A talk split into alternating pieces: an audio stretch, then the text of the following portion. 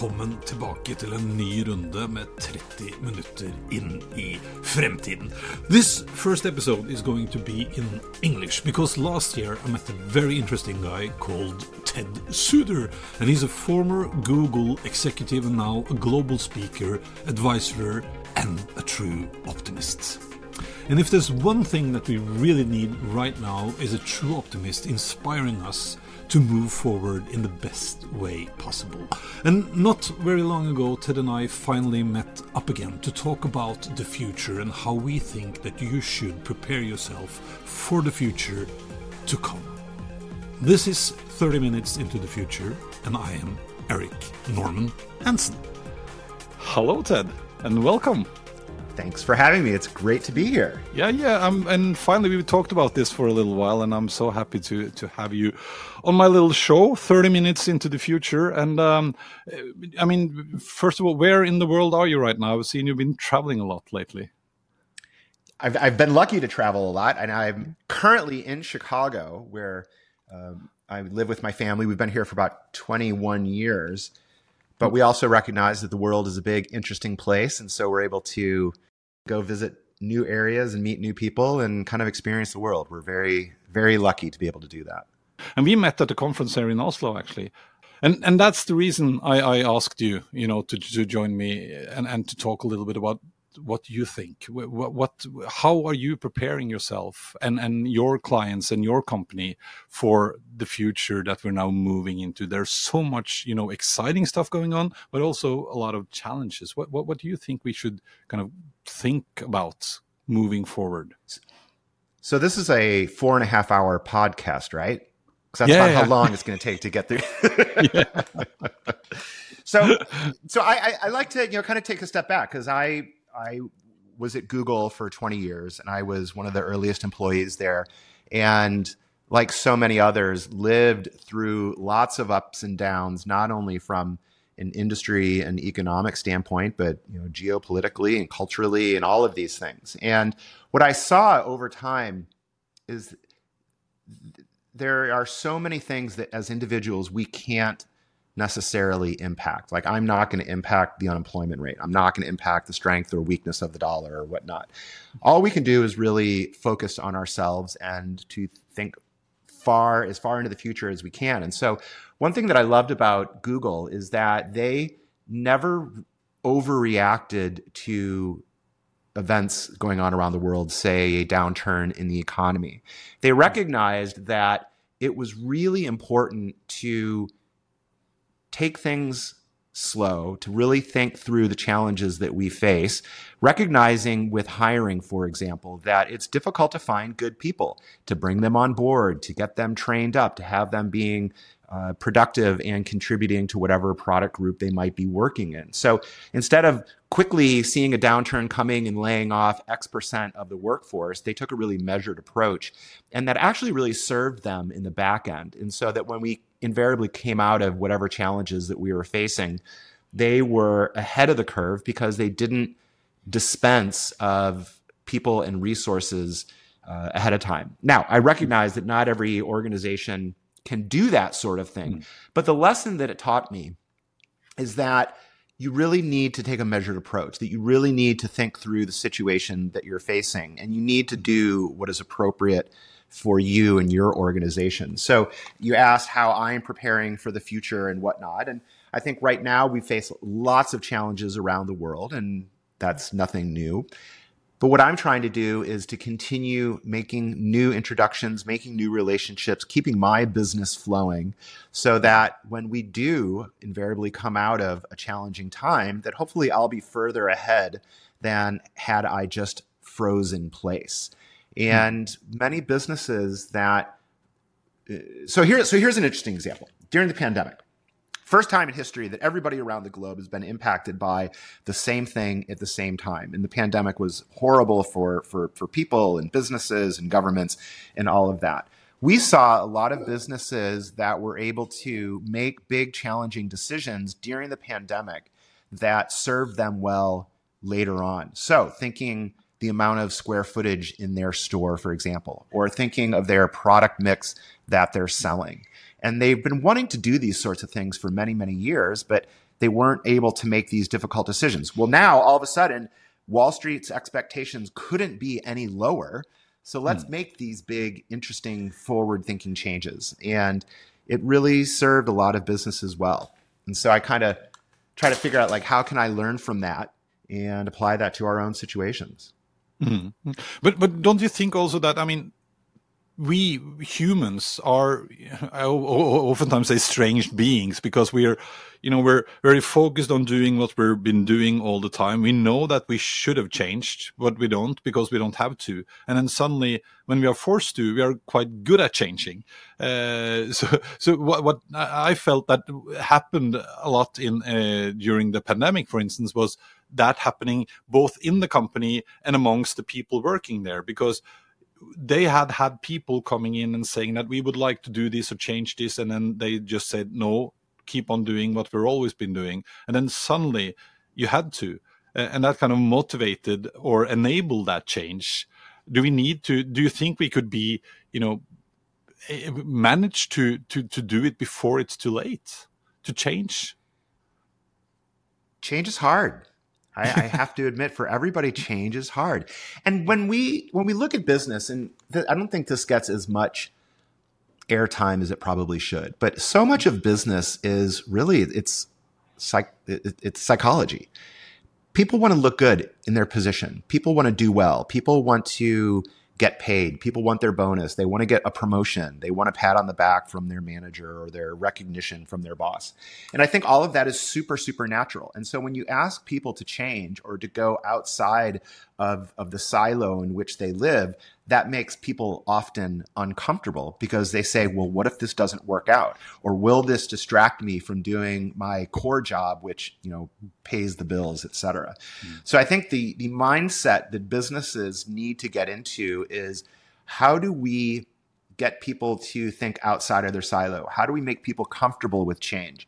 How do we make our employees recognize that we want them to do more than just their core job, and that's okay. And if it doesn't work out, they're not going to get fired. And so there's lots of businesses that that put this, you know, at Google we called it 20% time, other companies do all sorts of other things. And it needs to be instilled in the business. Now, startups today, and you know this as much as anybody, that startups today can instill that sort of, of ideology from the very beginning because there is no historical way of doing things.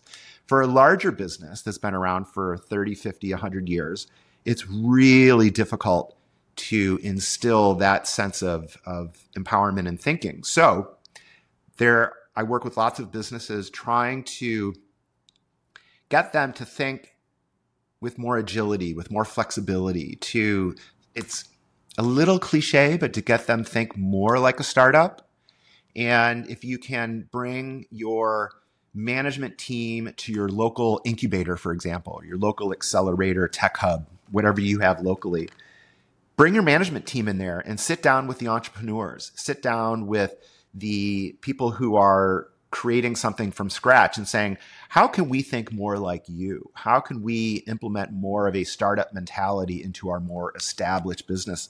And your local tech hub would love to have that conversation. And the benefit to the larger, maybe more traditional established uh, corporation can really be transformational. But you need to be open to that. You need to be open to, to flexibility and change. Yeah, yeah. We, we also see that I'm, connected to something called the Epicenter here in Oslo, which is a uh, and it's in Stockholm as well, and it's kind of a you know an office hub for tech companies and not necessarily startups but scale ups and, and companies coming a little further but they also rent out space to you know very established traditional companies moving, as you said, either their management team in there for a while just to war and, and, kind of be in that environment, or their innovation department. Instead of kind of having their innovation department at their old offices, they they move them into a more kind of trans- uh, uh creative space.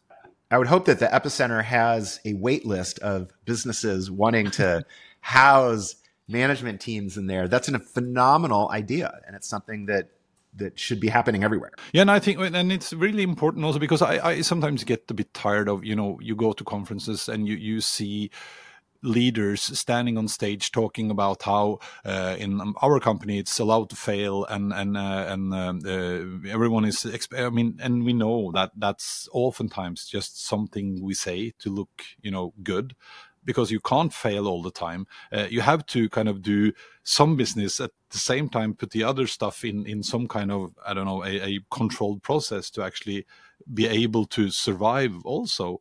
Uh, and I think that you know moving into a, another space, kind of making that into a project, something that are really you know established from the top, uh, looks to work really well as well. So you bring up a really interesting point. We've seen this all over the place, not just in the US, but in other countries where, yes, a senior leader does get up on stage and say, yes, we're you know happy to fail and all these things because it moves us forward. But then if you ask people on the ground they say yeah not really. So people can sense authenticity. And so this really needs to be an authentic effort that teams and leaders and, and more importantly, boards need to be setting the tone and saying almost that if you don't do this, there's going to be bigger repercussions than if you do do this and it and it fails. If we're not surrounding ourselves with people who are outside of our bubble, then how are we getting differing opinions? How are we growing and learning new things? It's I, I, think it's a real challenge. And so the question, the, the question I ask business leaders all the time, and a lot of times government leaders too, it's are you bringing in people from the outside who have a different opinion or have a different way of doing things? Are you listening to what they have to say as opposed to sitting within your echo chamber, which no one grows in an echo chamber? No, no, no. And, and but talking about you know, as you said, learn new things and skills. If you are looking a bit ahead, what, what new skills should we you know would you recommend people to start to look into i mean the, the, the metaverse is one almost hype uh, nowadays which is a big word a big concept but what should people really you know if you were to I don't know, read a book or, or uh, upgrade yourself. What, what areas would you like or recommend people to look into?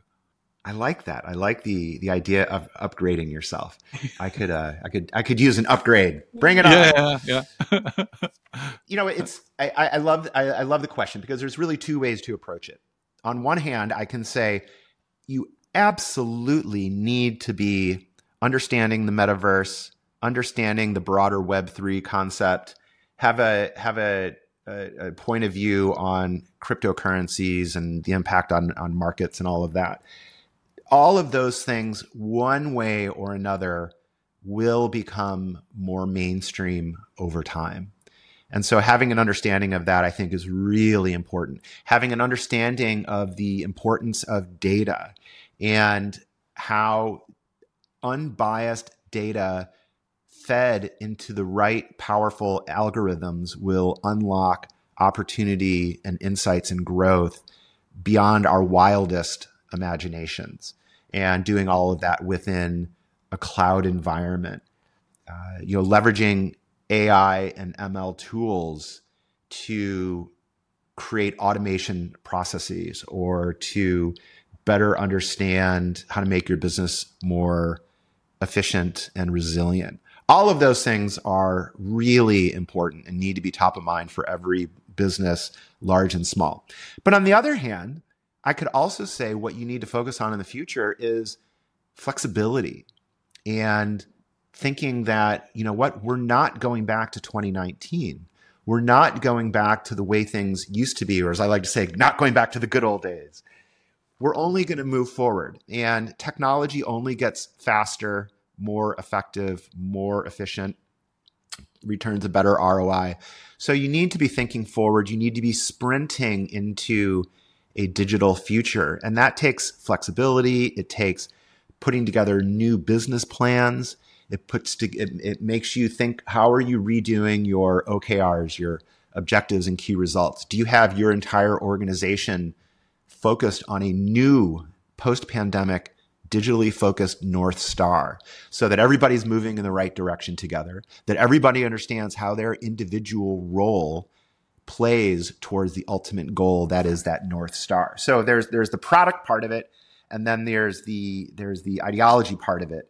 And there are two areas that are moving you know simultaneously together. But if i had to say one thing it's it's to being open and to being flexible and realizing that the future is more digital than it is today.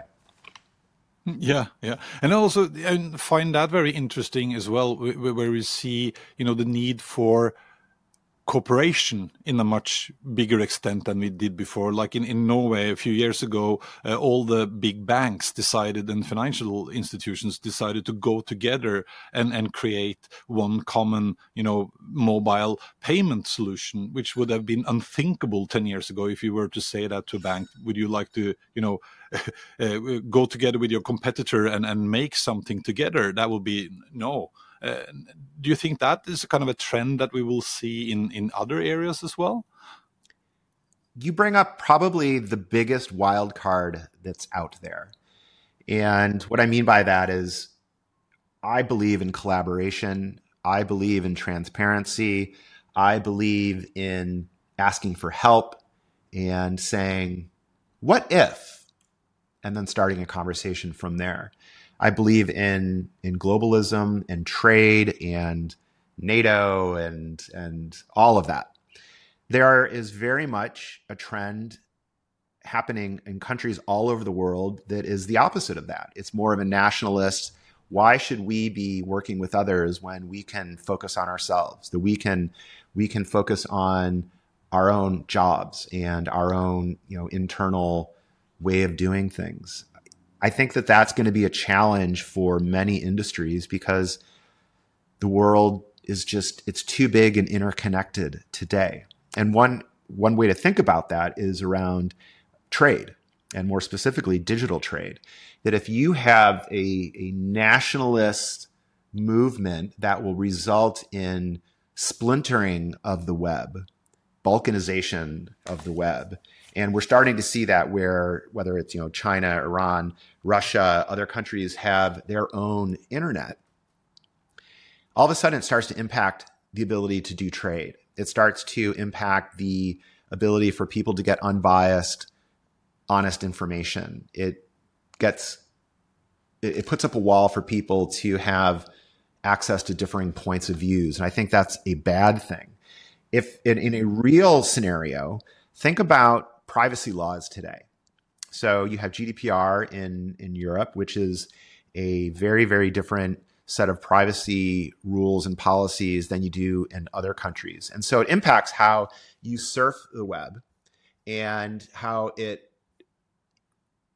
it, it challenges people to understand how my products might be sold elsewhere. Is is this product that I'm selling banned in another, country or how we're collecting data or is my data that i'm collecting is it housed in a, on a server in some other country? So all of these laws make it really difficult especially for small business to grow and expand beyond their borders. In the us it might be even more difficult because you have many states legislatures wanting to put together their own privacy laws. So can you imagine in the us having 50 different privacy laws and then trying to export to, to Europe and then trying to export to Asia and, and, Africa. So I think the splinterization of the web, the balkanization of the web is a real challenge. So I, I think we need to make sure that we have our governments and policymakers working together to create policies that that leverage the power and the the way the web brings people together in one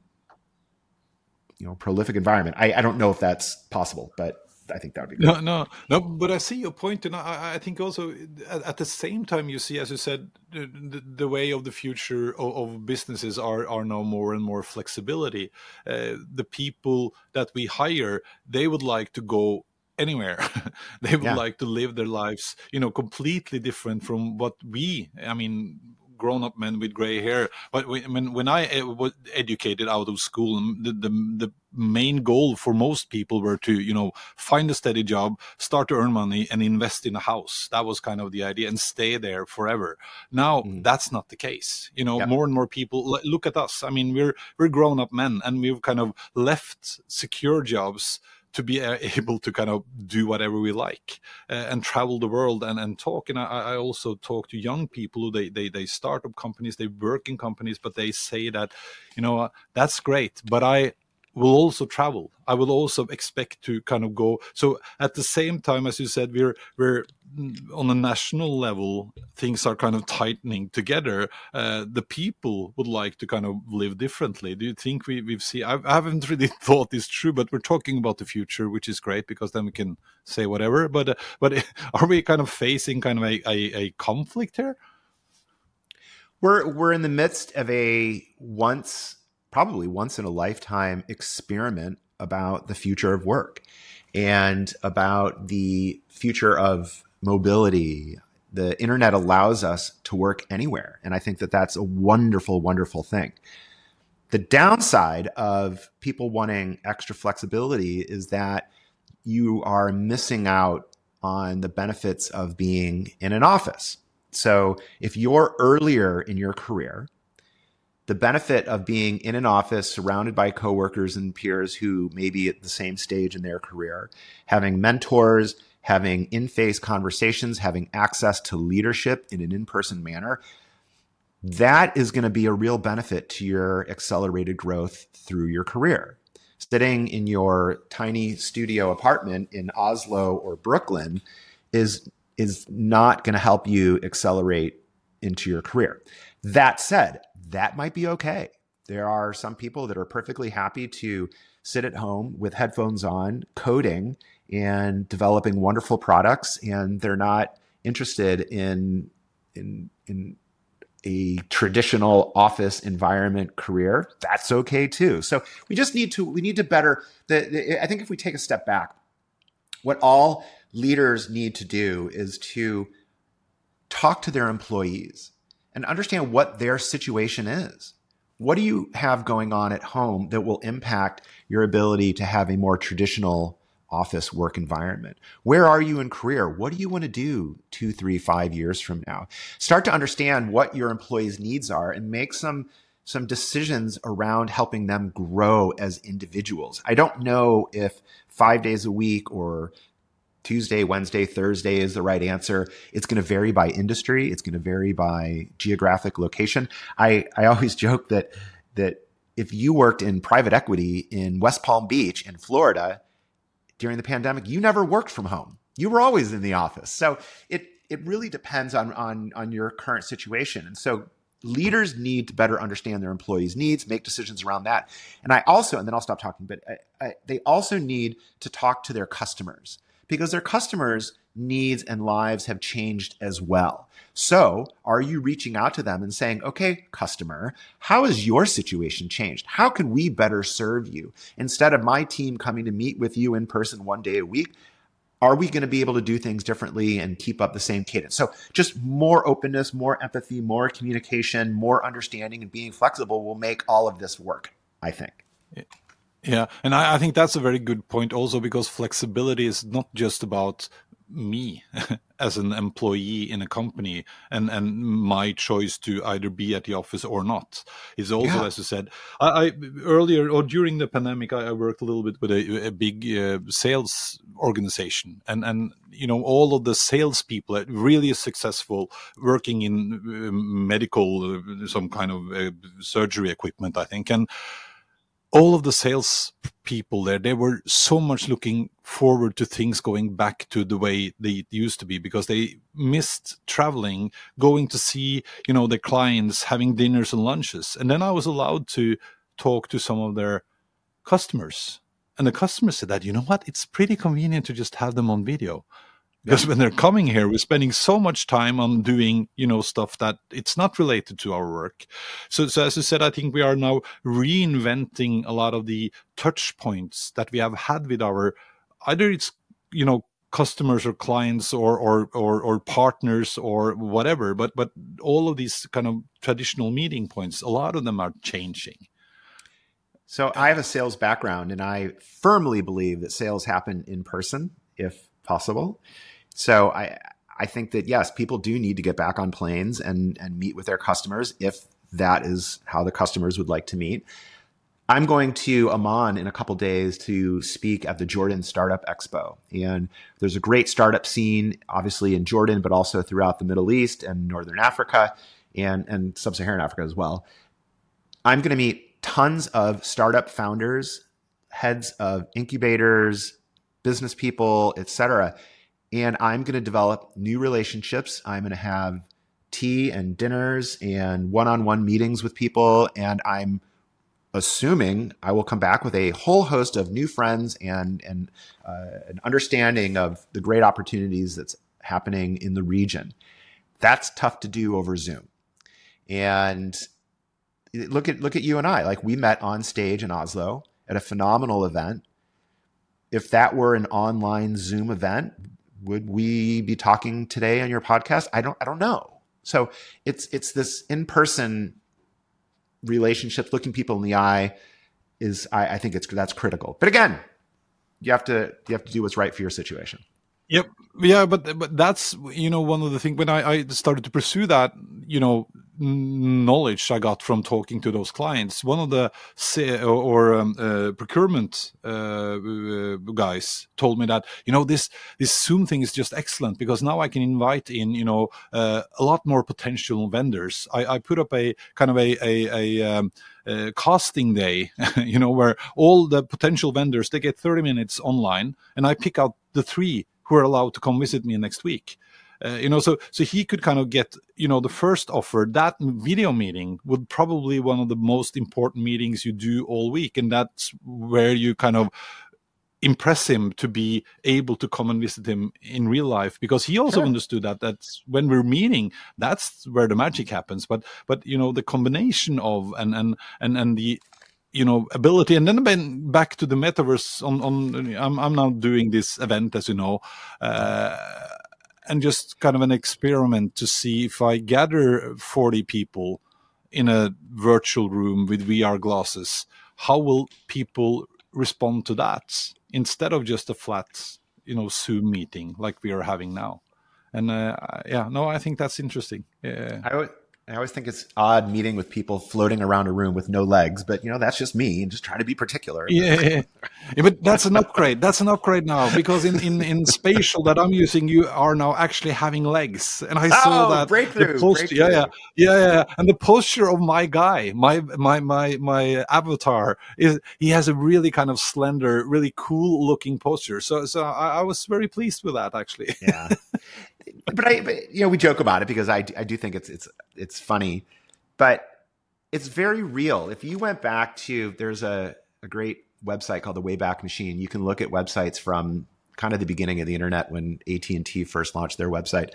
And if you look at early websites, you're like, wow, these aren't useful. They don't do anything. And when I was at America Online in 1995, I was selling websites and I would go to a business and they're like, well, what's a website? And I say, it's like an electronic brochure. And they're like, oh, well, I guess that's interesting. Um, maybe we'll buy that. And it, you know, costs a thousand dollars or something. People looked at the internet back then as saying, well, this isn't terribly useful. I don't, I don't know why we would invest time or money in this. I think the metaverse is the same way in that right now, the way people are thinking about the metaverse is this environment where you have people sitting around with these odd looking bodies with no legs, or if the upgrade, you do have legs. And that's that's where we are today. The the metaverse in the future is going to be much more of a blending between augmented reality, virtual reality, real commerce happening in a in a, in a different space, maybe using some form of cryptocurrency or whatnot. Like my daughter today, she and her friends love Roblox and Minecraft and whatnot, and they're spending real money on fake crystals and things. And I get a receipt in my email saying, You bought 250 crystals. Congratulations. You know, it's $25. And I'm like, Emerson, like this is real money. But to them, it doesn't, they don't, they don't think of it that way. So, so if we can have another podcast in let's say 10 or 15 years, we're going to be like, well, of course we're in the metaverse. Like everything is is interconnected today, and it will come a long way from where we are. So just got to be patient.